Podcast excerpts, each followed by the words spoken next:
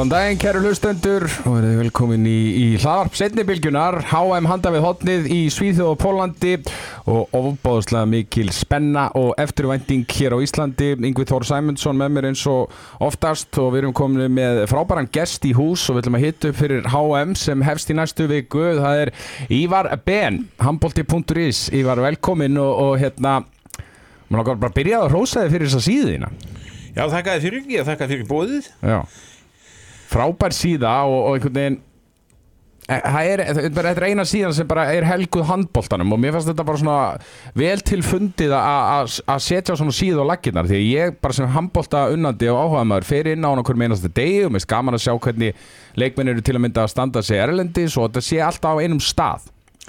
Já, já, það er svona, ég, maður neittist til þess að fara að gera eitthvað á sínum tíma þegar maður misti vin, ég misti vinnuna og þetta var svona eitt af því sem, að, sem kom upp í hugan að reyna þetta þó. Já, en það lítur að vera komin svona eftirvænting og spennaði þig fyrir Já, mótinu. Það, það er nú líkast til, alveg heilmikil og búin að vera undanfarnar vikur, Já, smátt og smátt að aukast. já. Sko, þú hefur fyllt og fjallað um íslenska landsliði mér að hversu lengi?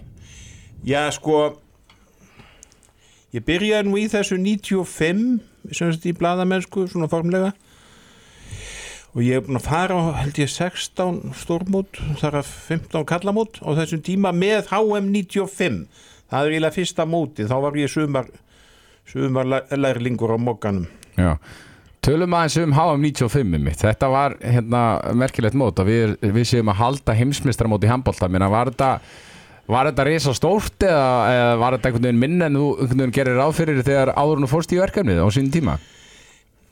Já, það var kannski meira heldur en ég reiknaði með.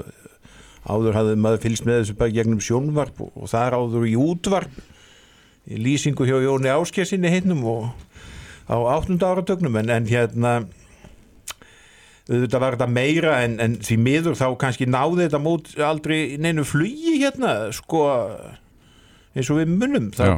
var náttúrulega fátt af fólki og og margir leikinu voru spilaði fyrir tómum húsum eða, eða fyrir fram að sára að fá áhröndur þannig að það er svona náðist nú aldrei neinn svona sérstök stemning fannst mér. Nei, nei, ég ekki, sér ekki fyrir hún í lokin bara. Ég og svo á Íslandsleikjunum. Já, ég sjálfur búsettur á Akureyri á þessum tíma og ég man alveg eftir því að það kostaði 500 krónur dagurinn fyrir grunnskólaböld ég fór bara einhverja sko, átján leiki eitthvað, sko. ég gerði ekkert annað en að, fara á leiki og það var eiginlega enginn í salnum sko. Nei, nei, samt um sjálf, uh, var nú vafalaust uh, betri aðsókn á Akureyri heldur en sumstaðar annar staðar.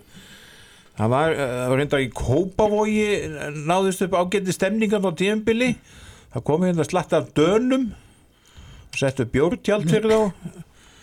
Og hérna en, en svo heldur svona daninu úr lestinni snemma töpuðu fyrir Afríku þjóði sem spila, já Alsýr sem spilaði hérna einhvern handbólta sem kom dönum gjörsamli í opnu sköldu og þeir fóru heim með skotti á milli lapan og þá eiginlega fóru þessi fáið útlendu áhörundu sem hérna hinga komu. Já.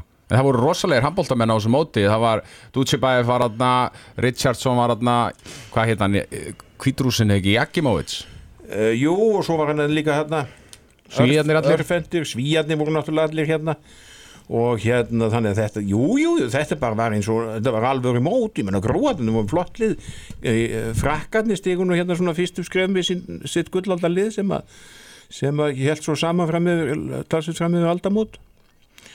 Þannig að, jú, jú, þetta var alveg handbólti hérna spilaður og króatar og þá nýkonið sögunar, slóvenar og ég meina það var nýbúið orðið þessu uppskiptið þarna á Júgoslavi, í Júgoslavi ríkjónum það voru æðislegir handbóltamennin og það vantaði ekki það, það vantaði það vantaði svona, já, það vantaði fleiri áhorfundur til þess að gera meiri stemningu ég meina, ég var að leikjum út í Hafna fyrir í Kaplagrika, það sem var enginn nánast. Nei, síðan alltaf voru við áttu við fulltrú í einu sterkasta liðinu Rúslandi, já, Dimitri Filipov já, já, já. hann ekki í stjórnunni? Jú, jú, jú, jú, þannig að- jú, jú.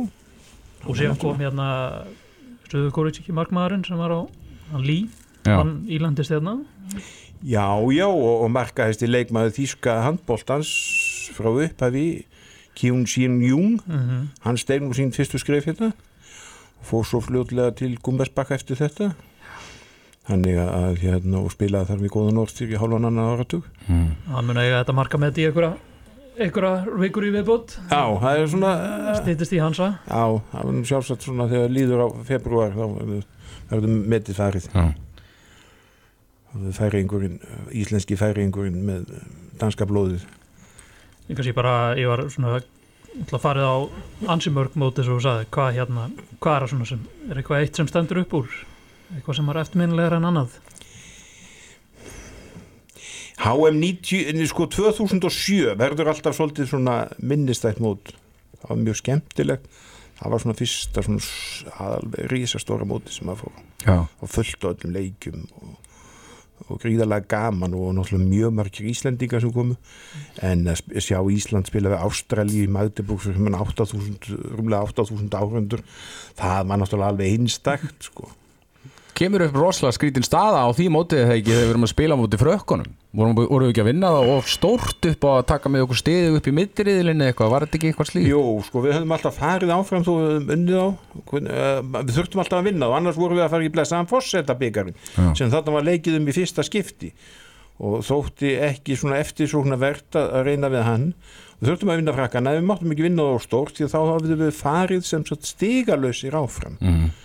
Og Úkraina fyllt okkur og frakkarnir helst úr lestinni á samt Ástralíu, það voru bara tvölið áfram. Uh, og það var komið hann einhver tíu marka mun og þá var beðið um að að svona draga úr því þannig að, þannig að við færum þá áfram með frökkum. Já. því að annars hefðu frakkarnir sko verið með lagara marka hlutvöldin Úkrænum og, og sem sagt setið eftir. En var, meina, leikurinn á móti dönum, er þetta eitt af þínum svona erfiðustu verkefnum sem blaðmar að að tækla það eftir leik? Svona eitt, eitt sárasta tap í sögu í íslenska handbóltalandsliðsins? Já Já og nei að mörguleiti sko var sko þegar við heldumst úr lestinni á EM 2004 mikið sárara, það var mikið erfiðara Mhm. þarna töpuð við, við, við, við sko, töpuð við í hörkun leik sem að sko þú veist Jú, jú, þetta voru menn sárir og svektir og það var hundleiðilegt að sjá Úlrik Vilbekk og, og fyrirlega danska landslýsins lappa með halvan lítra bjóri í hendinni sigur reyfa gegnum blaðamannastúkuna og, og hérna og, og, og skála í allar áttir og, og fara inn og, og hérna á blaðamannafundin sko, Já. þess að þið voru glaðlaka leir og leikmennin náttúrulega voru, íslensku leikmennin voru svona bognir en, en en, en, en samt, jú, jú, þetta var þetta erfitt en, en það var sjálfsagt erfiðast fyrir leikmennina sjálfa sko. Já, þarna spilar Snorri Steit sennilega sinn besta landsleik eh, og jafnvel, ég er mannst eftir betri framistöðum hjá landsliðsmanni heldur en í þessum leik Skor hann ekki 15 mörg eða? Jú, jú, leikum var hvað síframlengdur Mm, Nei, sjálfsagt sjálfsagt er þetta nú með því besta sko en auðvitað svona bú, snjóar alltaf svolítið yfir minningarnar þegar þegar leikindir rótnir að því margir Já, sko, þú ert búin að fara á eins og þú sagðir á hann 16 stórmót. Ég meina, þú hlýtur á að lendi í alls konar mjög undarlegu á þessum 16 stórmótum, einhver svona undarlegu uppákoma sem þú lendir í. Ég veit til að mynda í Túnis höfum við heyrt að það hafi verið ískalt inn í höllinni Já, já, og dúfur sem voru trullandi þarna um allt. Það, það var náttúrulega ekki gott sko. Þeir náttúrulega áttu heldur ekki vona þessum kulda sko því að þarna var óvinnu kalt. Já, ég man þetta reitt morgun þá var upp í fótur og fýt var ég að vinna inn á hótelherbyggi og, og ég heyri bara skræki og, og gauragang hann fyrir utan og ég vissi ekki hvað hefði gerst og hvað var eiginlega á seiði og þá, þá, þá stóðu þar konur sem voru, verið, voru að þrýfa herbergin og horfðu út um gluggana þá kastaði svona jeli var svona grátt í rót. Þær höfðu aldrei séð þetta áður. Þannig að það var óvinnu kalt á þessum tíma og, og túnismóti var náttúrulega ekkert ekkert sérstakt. Það Nei, nei. er nú svona sem að segjast eins og er. Já, uh, en en þau hafa svo sem verið líka uh, mörg svo sem ekkert sérstök það er ekkert Serbíu móti 2012 var nú ekkert Evrópmóti reyndar það var nú ekkert sérstakt heldur sko. Mhm. og þú þú hlýtur á að búið við sko, hefur þú farið á hótel sem var bara algjörlega ekki bóðlegt eða eitthvað slíkt Nei, það, ég hef aldrei lendið því Nei, ég hef aldrei, aldrei orðið kannski er ég svona næjusamur, ég veit það ekki kann að vera. En nei, ég hef aldrei, aldrei uh, uh, komið inn á hótel eða uh, lent á hótel eða sem að ég hef þurft að flýja í burtu út af einhverju. Já, nei, nei, alls ekki kannski bara svona, aðeins svona vinnutengt er einhver leikmaður sem var svona eftirminnilegur í samskiptum eða svona einhver karakter sem sem þið hlakkað alltaf til að taka viðtölu við eða, eða hlakkar enn ég hef nú svo sem átt góð samskipti við held ég flesta og, flesti svona, svona náða þóla mig sko Nei, gegnum þess að tíð hefur náttúrulega alltaf verið bara eh, yfir höfum mjög fínir strákar í þessu liði sko. því það er svona, jújú, jú, auðvitað hefur gengið á ýmsu og, og, og hérna og menn svona skellt í lás Já. þegar illa hefur gengið þá hefur kannski svona skinnið í gegn hverjir hérna hverjir svona svona nenna að að, að, að láta sjá sig sko Hef, Hefur þú rifist við landslismann? mm, nei ég minnist þess ekki Nei, Þeir eru oft mjög pyrraðar út í okkur þegar við erum að spyrja svona, þú veist, ef- eftir tap og Guðum Valur hefur til að mynda oft verið mjög pyrraðar út í Það hefur einn blaðamaður reyndar oftast lengt í því en Já, já, það, já, já, vissulega sko, jú, jú, ég man nú eftir einu sinni þá var upp að koma í 2008 á Evropamóti, tengdi svo Guðjóni Val að hann, hann, hann hafði eitthvað svona, farið eitthvað vittlust fram úr, en hann var reyður bara, eða svona, hann var bara vonsvikið með sjálfan sig eftir leikin og það svona bitna á okkur, en hann líka kom, sko, fimm minnur síðar inn í, inn í blaðamanna, eh, hérna, vinnuðastöðuna og tók í höndinu öllum og mm baðast afsökunar og var bara maður að meiri og ég meina það er engin erfast líkt okkur, vil, okkur rennur nú stundum í skap. Ég hef nú stundum líka ég hef nú aðalega kannski ég æsti við Einar Þorvarðarsson framkvæmdastjóra. Hann satt oft í súpunni með, með, með skapmyndar frekar heldur en leikmennir ef, ef, er mér rann í skap sem að, jújú, jú, kemur nú oft fyrir. Já, en Já, svona en samskipti þín við þjálfarana landslist uh, þjálfarana, ég meina hafa þeir verið svona einhvern veginn að agnúast í út í þið, út að skrifa eitthvað sem uh, hugnast þeim ekki eða eitthvað slíkt? Já, já, það hefur komið fyrir. Það hefur komið fyrir og ég svo sem fengi skömm í hattin og kannski átt að bara alltaf skilið en ég er svo sem alltaf náð að skilja við menn bara bærilega sátt að jú, jú, jú, jú, það er hægt að segja væri hægt að segja ykkur sögur af því og, og sjálfsagt já, sjaldan veldur eitt þá til deila en menn er misjaflega hörundsári og mann veitur einum að hann, eh, ég hafði nú ekki hyrt í honum held ég upp undir ár. Þá eh, hafði ég samband við hann og þá neitaði hann að tala við mig út af máli sem var reyndar ótengt landsliðinu nema að ég gefi sér skýringar og einhver sem ég hafði skrifað árið áður. Það var búið að liggja reynilega mjög þungt á honum. Og ég þurfti að fara að fletta upp í gömlu greinum og aðtóa hvað það átti við og jújú, jú, ég hérna hafði svo samband við hann og við settluðum málinn, ég ætla nú svona sem ekki nefna hverju þetta er en, en hérna þessi engi bættari með því þetta er löngu grafið og glemt og, og jújú, jú, ég fengi símtöl frá landslýstjálfara þjálfurum og núverandi landslýstjálfara meðal annars það sem ég hef skammar alveg blóðum og skömmum. Og, og hérna og, og maður hefur þurft að halda símtólinu langt frá eiranu og rauður á eiranu en uh, með árunum þá hef ég eh, sko ég er nú gama til að láta öskra á mig þannig að ég er svona bara sniðgeng þá sem að sem að, sem að, sem að nota þá að fyrir að öskra á mig já. Áttu svona þinn uppáhalds landslismann sögunar já ég held að minn uppáðast leikmaður í gegnum tíðina sé Guðjón Malur Sigursson mm -hmm. þetta er einhver stórbrotnasti íþróttamæður sem við höfum átt hann er, ég held nú ef ég ætti, ef ég, ef ég mér var stilt upp við veg og ég þurfti að velja einn, þá myndi ég velja hann. Já, sko, ég á minn uppáhalds og ég hef aldrei séð hann spila landsleik. Ég bara horfið það ofta á, á bjökjefnin 89 spólunar báðar að Alfred Gísla er minn uppáhalds landsleismæður ég hef aldrei séð hann spila landsleik.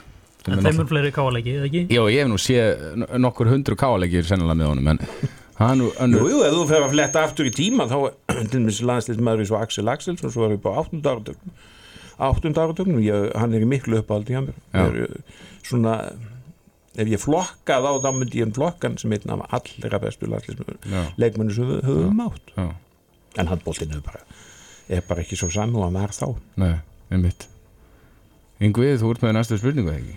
Ég er með næstu spurningu er kannski bara svona þetta er þetta mjög svona stór mjög stórt og mjög fræðilega spurning en er eitthvað en hægt að skýra það út af hverju íslensku þjóðunni er svona, þeikir svona ofbásla vandum þetta lið. Nei ég, ég átta mig svona kannski ekki alveg á því. Um, ég hef svona leitað oft í, í til þess að sko þessi mótur er náttúrulega ákveðnum tíma ás fólk einhvern veginn svona hefur tíma til þess að hafa á þetta. Svo má ekki gleyma því að þessi strákar yfirleitt sem að hafa verið í þessu liði alveg aftur sko langt aftur. Hafa einhvern veginn svona bara það hafa verið vennilegi gauðra sko. Millir 60 og 70 þá voru þetta bara smiður og kennarir og, og hérna og, og, og svo framvegis. Þetta var svona þetta voru svona normal náungar sko. Hann voru mikið hérna og eru en einhvern veginn svona ég veit það ekki. Þeir hafa einhvern veginn náða þetta er svona einhvern veginn í þjóðarsálinni ég, eh, og Já. alveg nær alveg aftur til 61 þegar landsliðin nær sjötta sætinu þá verður allt kolvittlust 64 sko í framhaldinu. Æfingarleikurinn, það var byður og hafnafyrði og, og suður á keflaugulhugulli að horfa einhvern æfingarleiku í bandaríkin. Sko þjóðin einhvern veginn bara reyfst með. Já.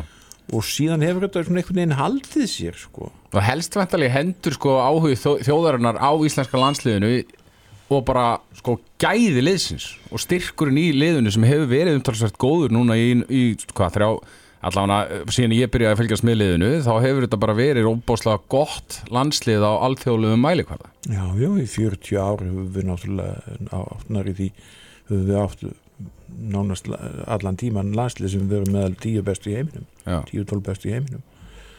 Og það hefur einhvern veginn hrifið þessa litlu þjóð að eignast eh, eiga landslið í allra fremstu röð þó að þó að íþróttin sé per se kannski ekki svo vinsælasta í heiminum sko mm og handbóltan var oft verið svona uh, oft verið gert grína handbóltanum fyrir, fyrir það að verið ekki ofbólslega vinsal íþrótt og þessi ekkit málan á árengur í honum og svo framvegis og framvegis þá hefur, hefur þjóðin þrifist með sko. -hmm. Hún hefur gert það Lítil, lítil íþrótt, kannski passar vel við litla þjóð. Já, já, þarna einhvern veginn verður til náum við svona náum við upp eitthvað svona þjóðarstolti.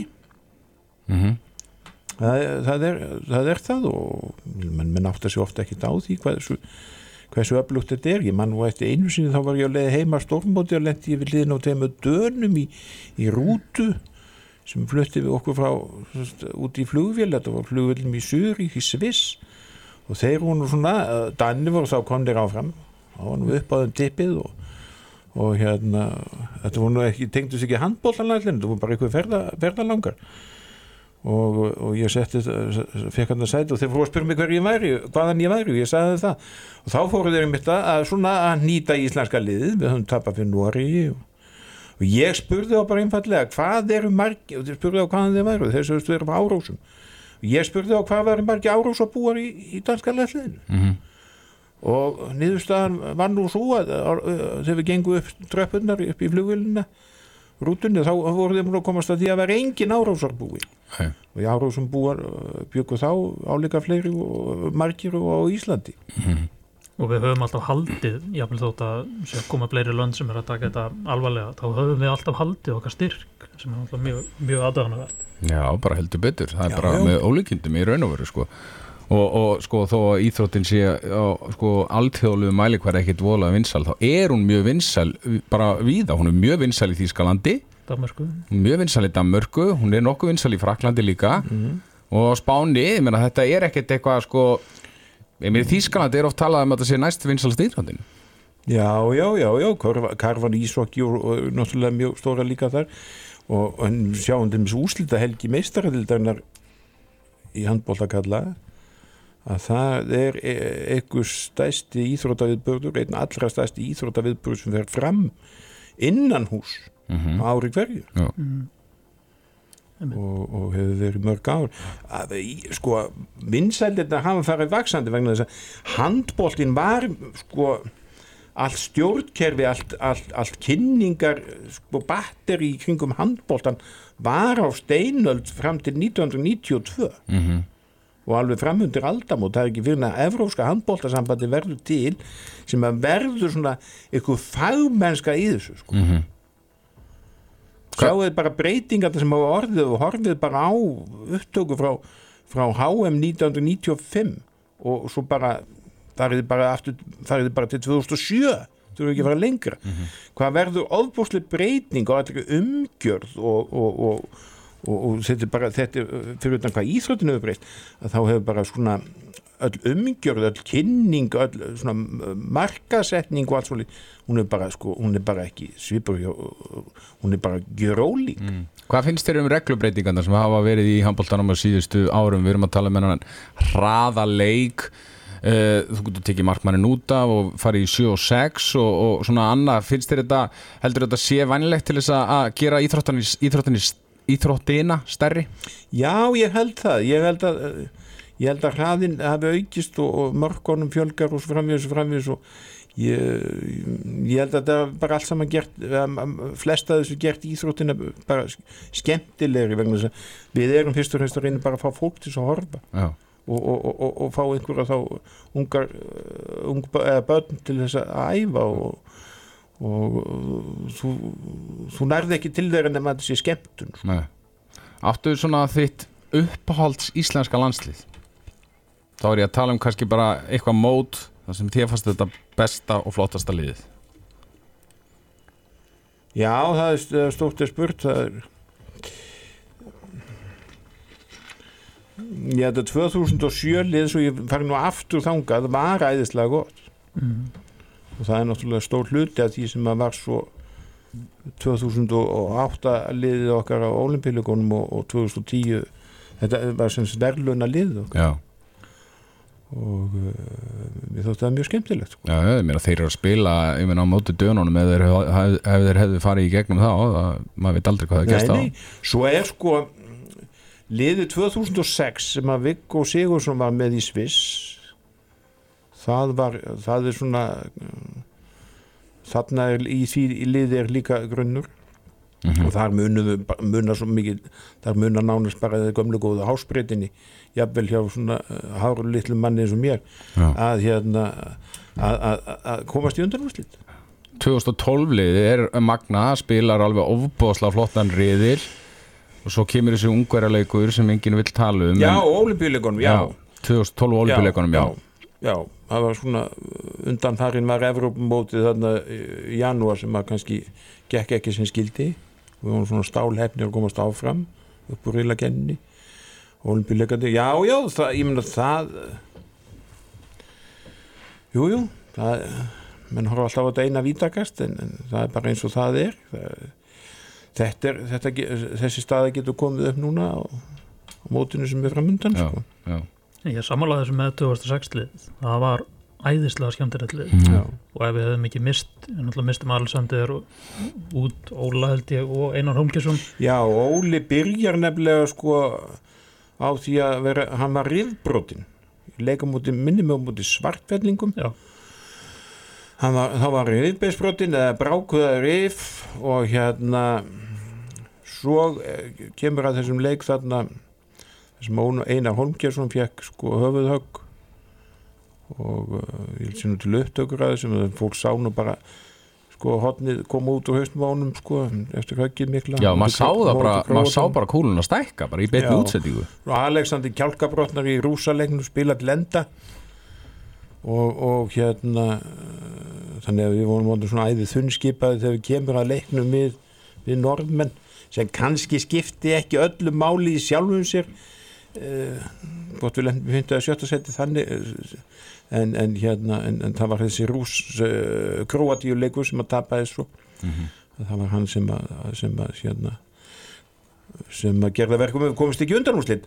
Og þar töpuðu bara missum við boltan í hendunar á, á Ívan og Balið sem við hugsaðum stundum þegjandi þörfin á þessum tíma. Já, það var bara raunni mann mjög vel eftir þeim leik. Það var bara hann sem tók hann leiki yfir bara undir lókin starboltanum og, og kláraði þetta fyrir. Já, fyrir gróða en mér fannst alltaf vikkuliðin þau voru mjög skemmtilega áhors já, spilaði ekki mikla vörðsnundum en, en það voru æðislega skemmtilegu sóknarlegur Já, já, já, já, já, já, hann laði mikið upp, hann laði mikið upp á sóknarleiknum og, og á þessum tíma vorum við kannski ekki meldum með svona sérstakka markvörslu og hérna, sem var okkur líka já, fallið á, á ám 2007 ef já, já, vissulega. Við hefum kannski verið með Jörgum þá að þá hver veit? Mhm. af því að líka í þessum sögufræga leik svo við vitum aftur í hann tíframlengda andan við Dani og þá var náttúrulega Kasper Witt sem var í markinu hjá Dónun og Martins og Besser Já, já. sama tíma og það var svona hún já, við skulum segja hún hefði mátt vera betri í okkur. Já, það var skulum ekki taka dýbra í árin Herðu, það er hérna var- það er náttúrulega núna nýtt ár, nýtt mót bara ekki svona alveg að þetta færa raugur í það þessi hafi ekki verið mjög mikla vendingar til liðsins og síðan bara fyrir ólbílagana 2012 Ætli það nokkuð? Það verða náttúrulega þessu uppskipti hérna eftir 2012 leikana. Og nú erum við kannski konir á, á ákveðin stað eftir mótið í fyrra gaf svona uh, uppbóltan fyrir mikla mændingar og uh, það er hitt launugamála að, að þegar Guðmundur var ráðinn í vor endur ráðinn eða semst framlengd og samningu við hann þá kom það fram að liðið ætlaði sér á olimpíuleika 2024 mm Nú, ef það, ef menn ætla sér að standa við þær vonir, þá verður við að vera í, í topp 7-8 á þessum móti.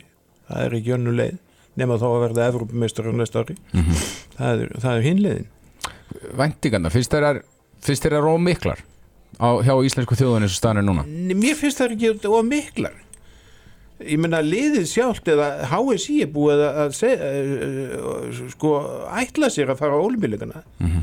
HSI er búið að setja sér að markmið að landslið verði með olimpíuleikunum 2024 er það óraunhæft þá að gera kröfu til þess að liði verði með að láta efstu eða, Já, eða ég, sjö efstu það finnst mér eh, mér finnst það bara alls ekkit óraunhæft. Nei, nei, og það, framhald af mótunni í fyrra nú þetta er náttúrulega svo sem leikur það getur allt gerst, við þekkjum það gegnum tíðina en, en, en, en gangi, gangi leikurinn eftir og þá þá, þá eigum við að geta náð mjög langt. Já. þá þessu kröfunar eitt og alltaf mikla. Allir leikminn þarna. ég meina við erum ekki núna að basla við þrjá, fjóra menn eh, spurningamerki hvort þið, eh, hvort þið farið eða ekki. Meina eins og stundum hefur verið það hefur stundum verið tveir, þrýr, fjóri leikmenn og jáfnvel leikmenn farið á mót sem hafa verið meittir og það hefur verið vangaveltur alveg fram á síðustu stundu hvort þið verið með eða ekki. Mhm. jú, það er verður- ekkert svo leysn ok, Viktor Gísli reyndar. Um, en, en eins og sta, staðan að hún núna þá, er- þá er það bara góða líkur að hann verði með. Uh, jú, jú, einhverju svona hnjaskaður en það er engin alvarleg meðsli, ég minna eins og ég við höfum oft lent í því að vera með 2, 3 og 4 með leikmenn og Mhm. hann fræg mynd af, af, af Tánni á Garcia sem að sem að fór einn Halleski Garcia sem að var hérna kúpumöður sem kom fór með okkur einu sinni. Og baðvörður Já, með já. meiru í dyrrannu Jú, jú, að það var lengi vanga veltur hann, hann fór eitt mótið og, og það var mynd af, honum, mynd af tannars í, í, í öllum dagblöðum og vefmiðlum eh, hérna síðustu dagana og alltaf verið að spá í tanna það var tábrotnað, hvort það getur verið með við erum ekki með neitt svona Nei. En, ekki sko, sem að veit um. þegar ég tala um væntingar þá er sko, mér þið umræðan ekkert vera Olupíu kvalið, mér finnst umræðan vera komin í sko að vinna mótið.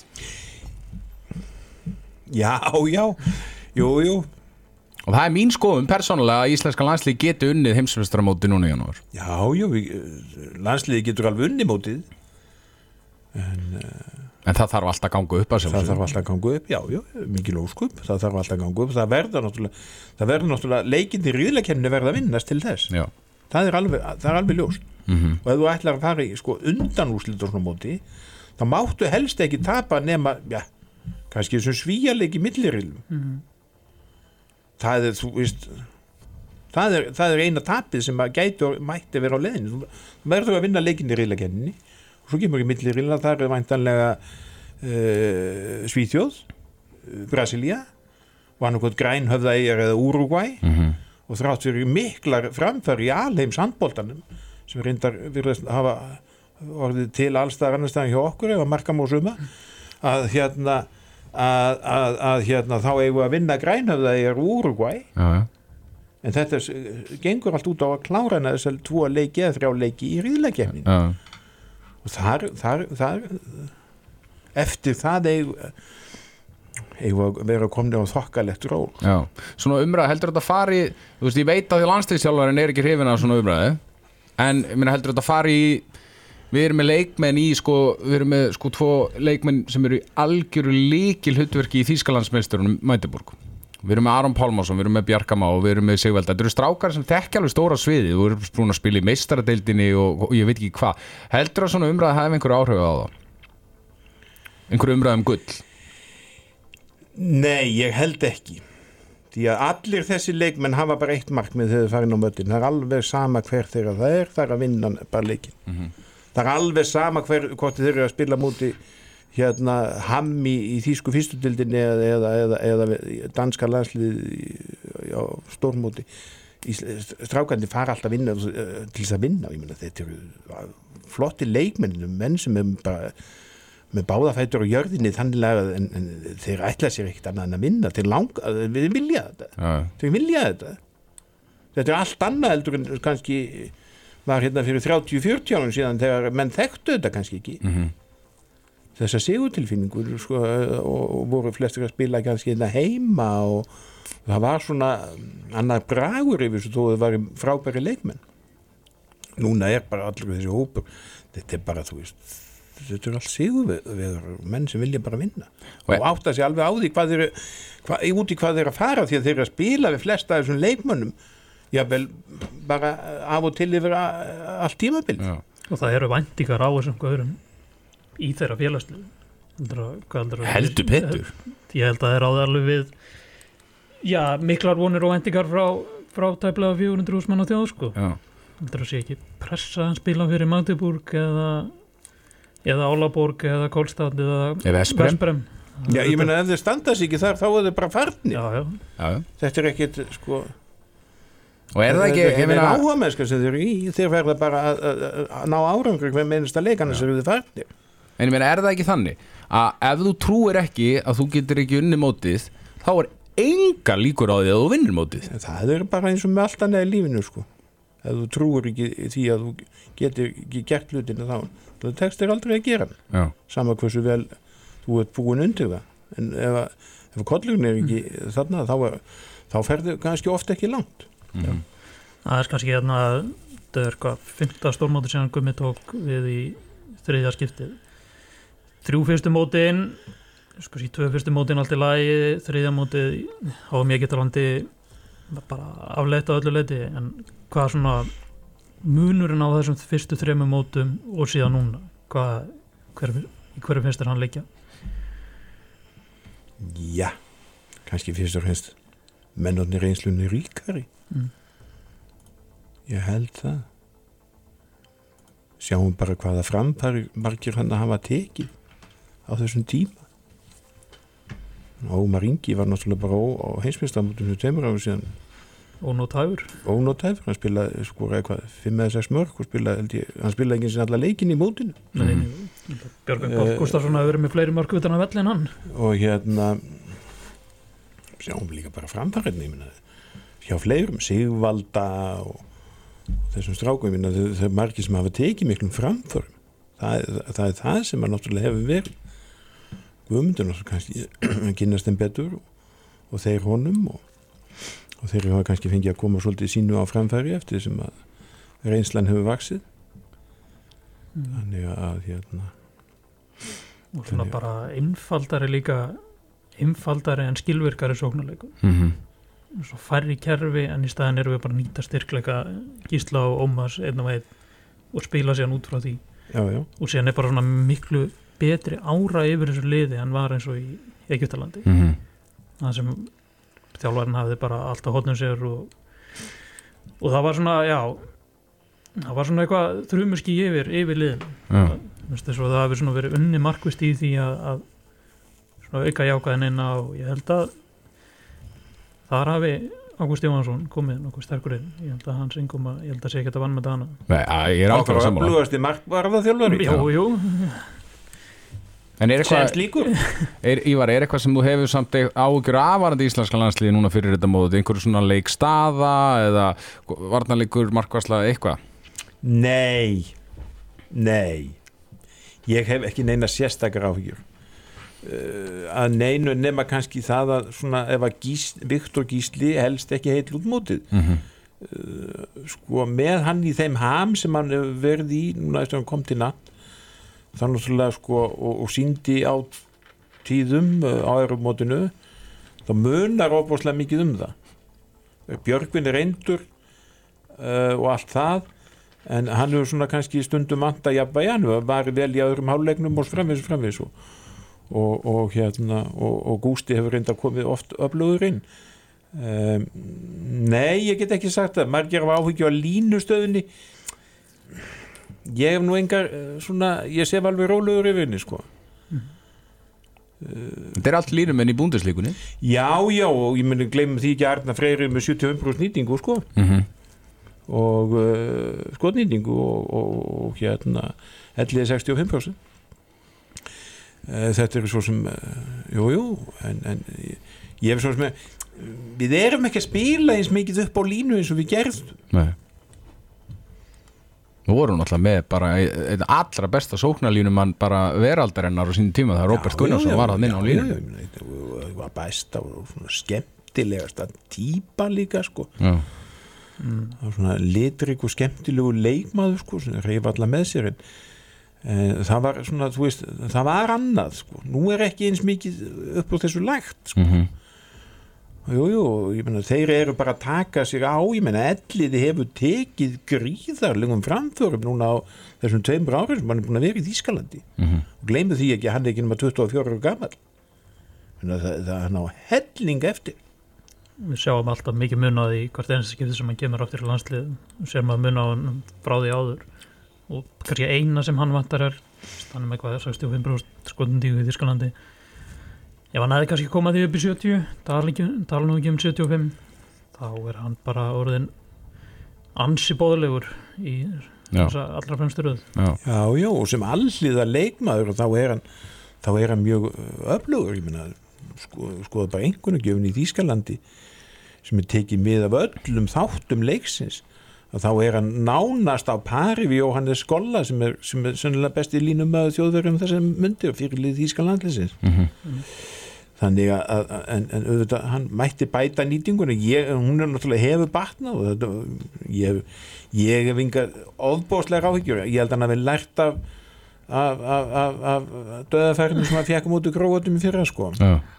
Vippaði hann þá? Já, já, Já, hvað hérna svona stáðlega svona eins og ég sé þetta þá er Ísland svona í þessum svona það eru fjólið sem hefur líklegust til þess að vinna. Mm Frakland, Spán, Danmörk og Svíþjóð.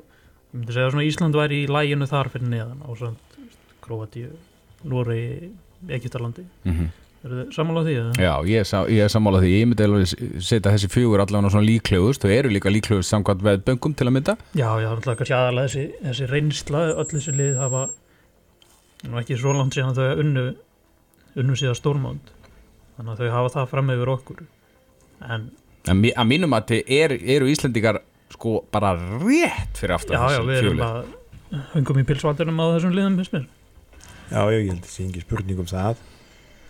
Og auðvitað þegar þú komin út í þá stöðu þá þá er þetta gamla góða. Það verður bara hvort liði gerir bara færri mistök þegar uppi staðið sko.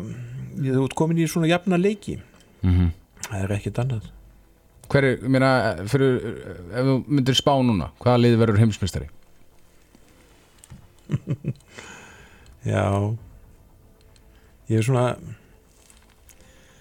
ég myndi að halda ég vil að spánverðinni vinni þetta. Já, Já.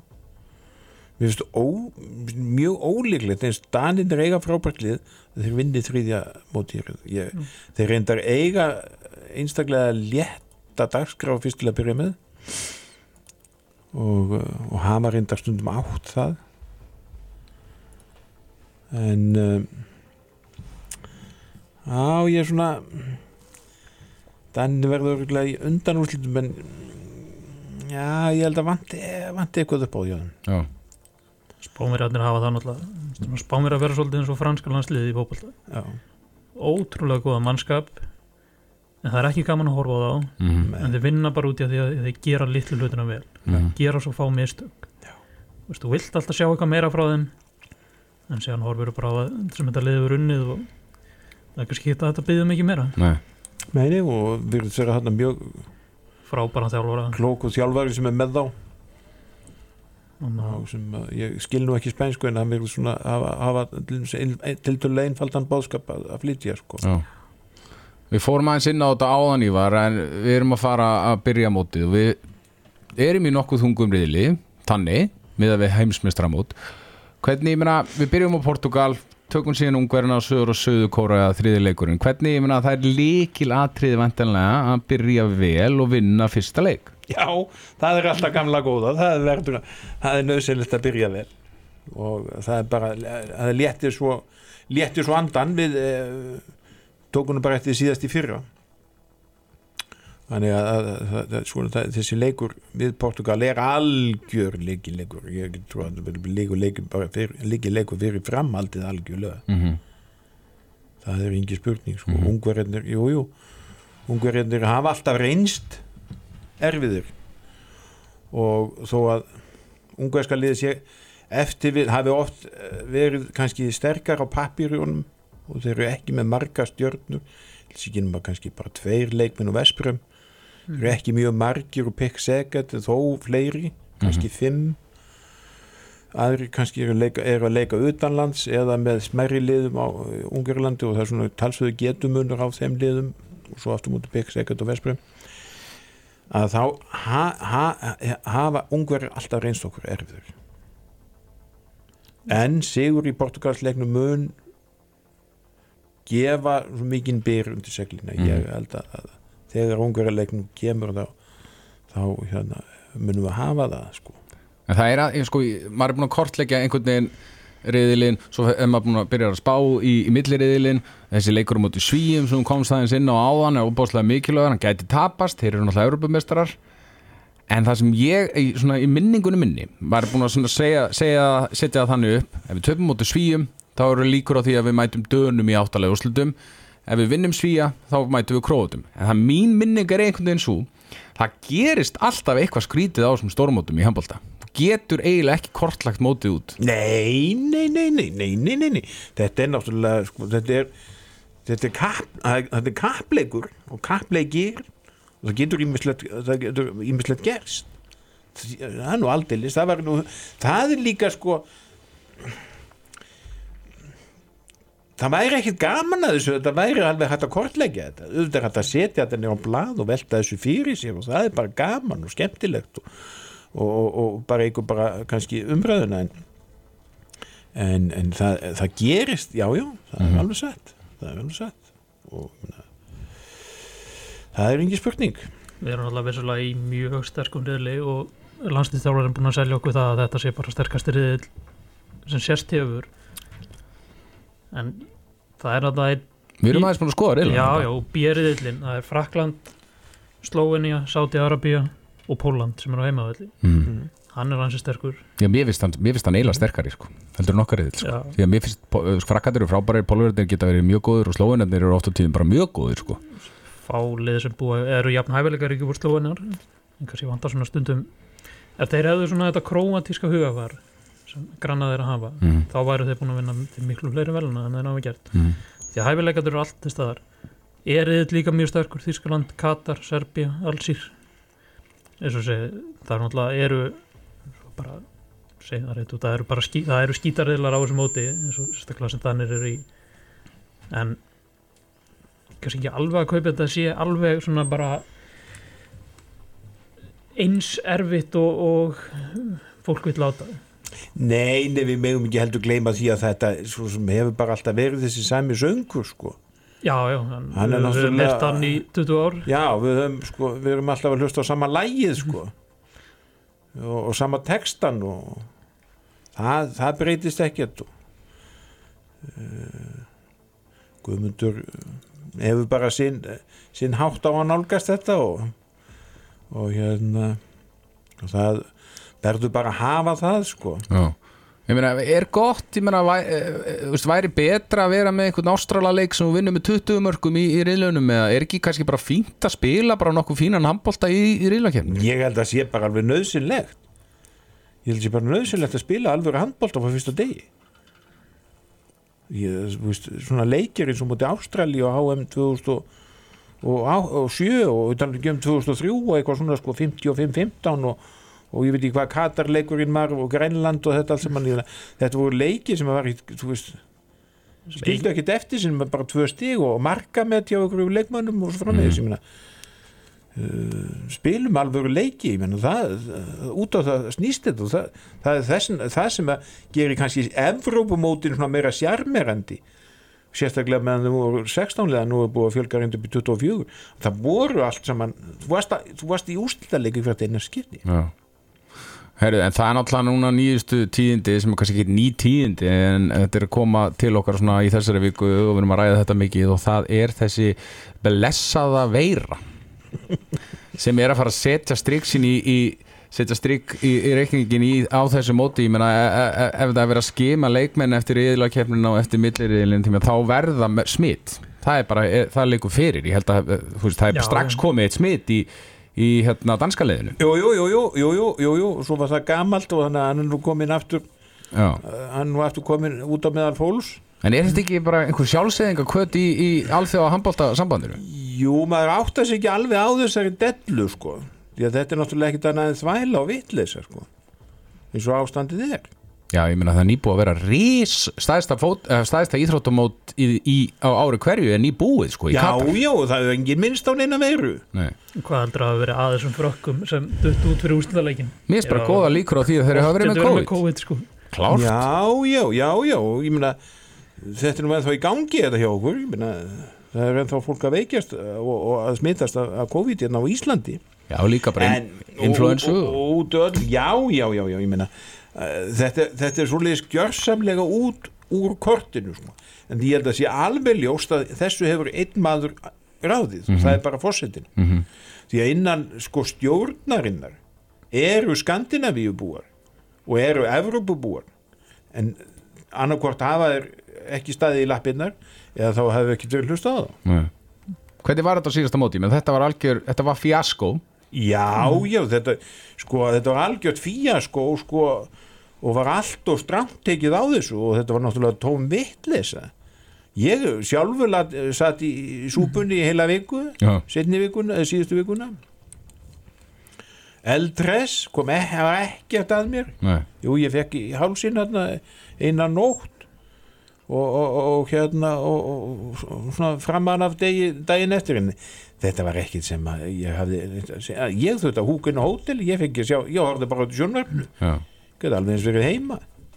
Og sama náttúrulega var með alla þessa leikmenn ég menna flestið flesti þeirra voru eldressi það voru reyndar einhverju sem að viktust mm -hmm og hérna en, en, en hérna það var allt og strangt og svo náttúrulega allt ungferð að tóð vittleysa sko, ég menna, menn hafa líst með hótelin. Mm -hmm. til og með sjá okkur bladamennunum, við heldum við þetta gangi gegn sjötir á leðinu pressusendurnum og, og þangað sem við tókum viðtölin.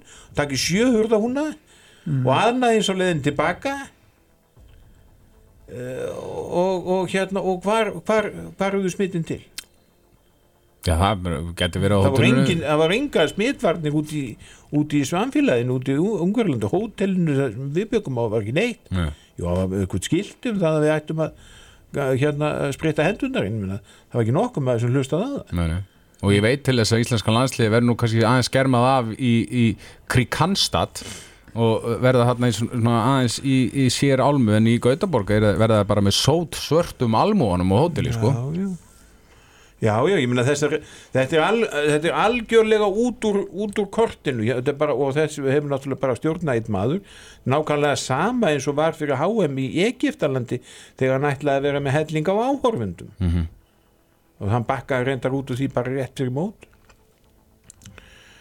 Uh, hérna en, en núna verður þann halda í þetta. Ég, ég hitt hann, sá hann síðast í vor og þá var hann verið að draga riðla ekki í júni eða júli Já og þá var hann eini maður nánast á þessari samkomi sem var hann í Katowice í Pólandi þar sem var að dreyja rila, hann var með grímu. Já,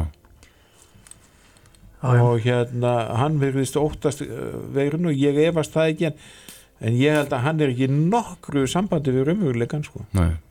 Og ég meina, við getum verið á leiðin í, á, á mót sem þetta bara mun hafa um, bara miklar afleiðingar þetta getur sko. alveg gert það já.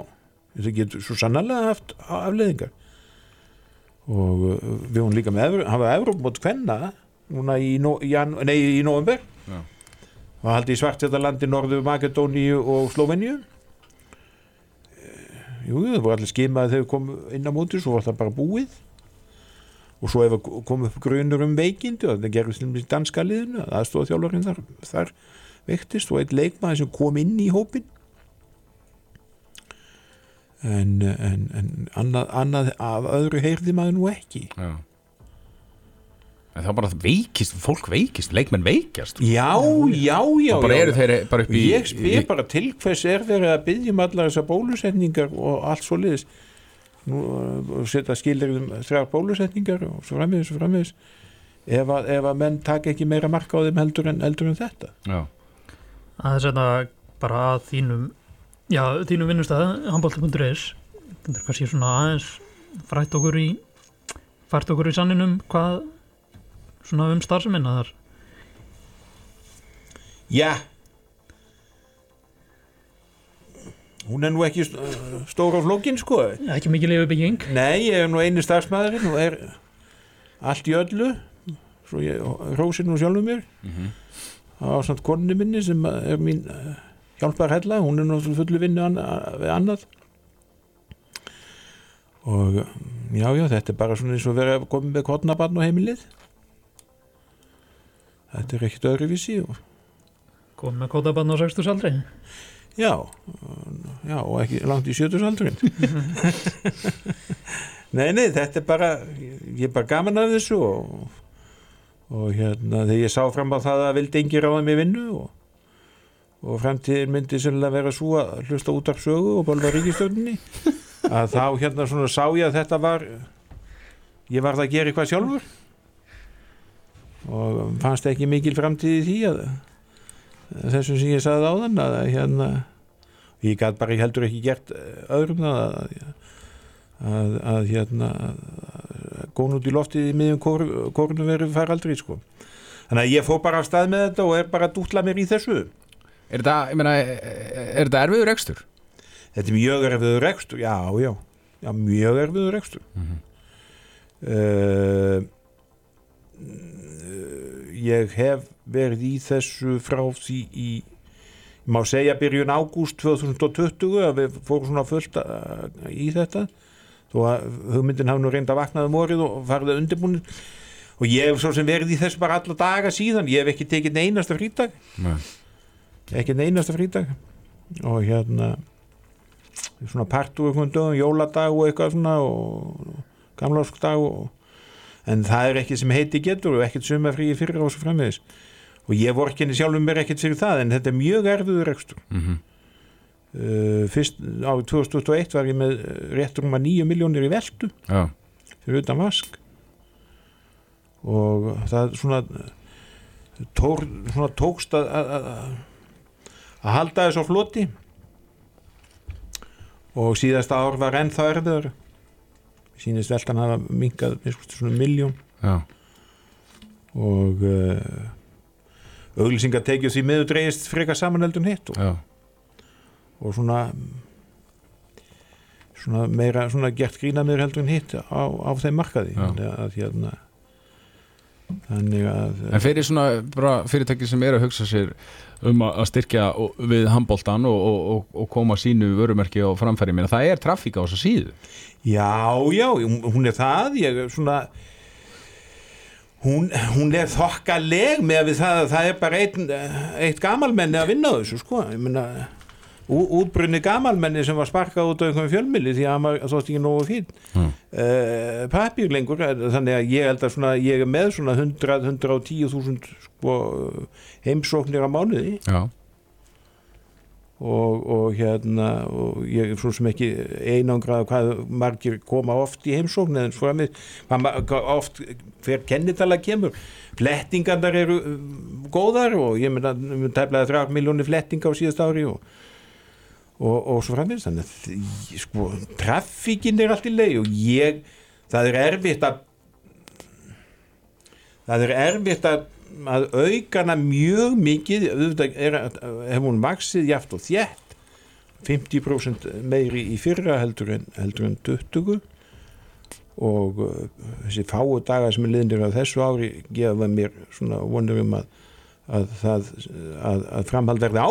Mm að hérna meðan, meðan ekki eru fleiri starfsmenn það, það segir sjálfur sjálft Mhm. eftir sem er framleitt meira efni þeim mun fleiri flettingar og heimsóknir verður sko. Við erum alltaf bara hér í, í setjumbilginu skorum á, á fyrirtæki að- styrkja Ívar BN og handbolta.is en Ívar að lokum þín spá fyrir mótið núna sem er að hefjast í næstu viku hvar endar íslenska landslið? Já, þegar stórt er spurt á við rátt fátur svör. Já, jafnvel hjá bladur kalli eins og mér. Ef við ekki að ef við ekki að segja við hérna leikum um þriðasætið já, sammála. Ég bara er spáðið því nákvæmlega sama. Og ég held að, að, að, að sé nokkuð víst að uh, ústætta leikin um þriðasætið vinni í Ísland. Já. og uh, ég ætla uh, já ég, ég, ég held að ég held að það sé engin spurning að, að liði, get, liði getur þetta. Já, ég held að sé mitt bara, ég held að sé viðtal við mig í fréttablaðinu í dag þar sem ég spáði því nákvæmlega saman. Þriðas, leikum við þriðasetti og vinnum þann leik. Og við sláum Daninn út í áttaleguslutum það er, það er allan að svona, svoleið sé ég mótið. Yngvi? Ég er eiginlega samanlega þessu. Þriða seti, ég sé það svona sé okkur koma heim með brónsmedalju um hálsinn. Og það eru þá okkar ekki fyrstu velun á, fyrstu verðlun á. Já, á allavega, svona Kuna, stóru HM kuna móto en það já, já, okkar já, já, já, já. Bíja keppna 89 koma mót og var er það okkar besta?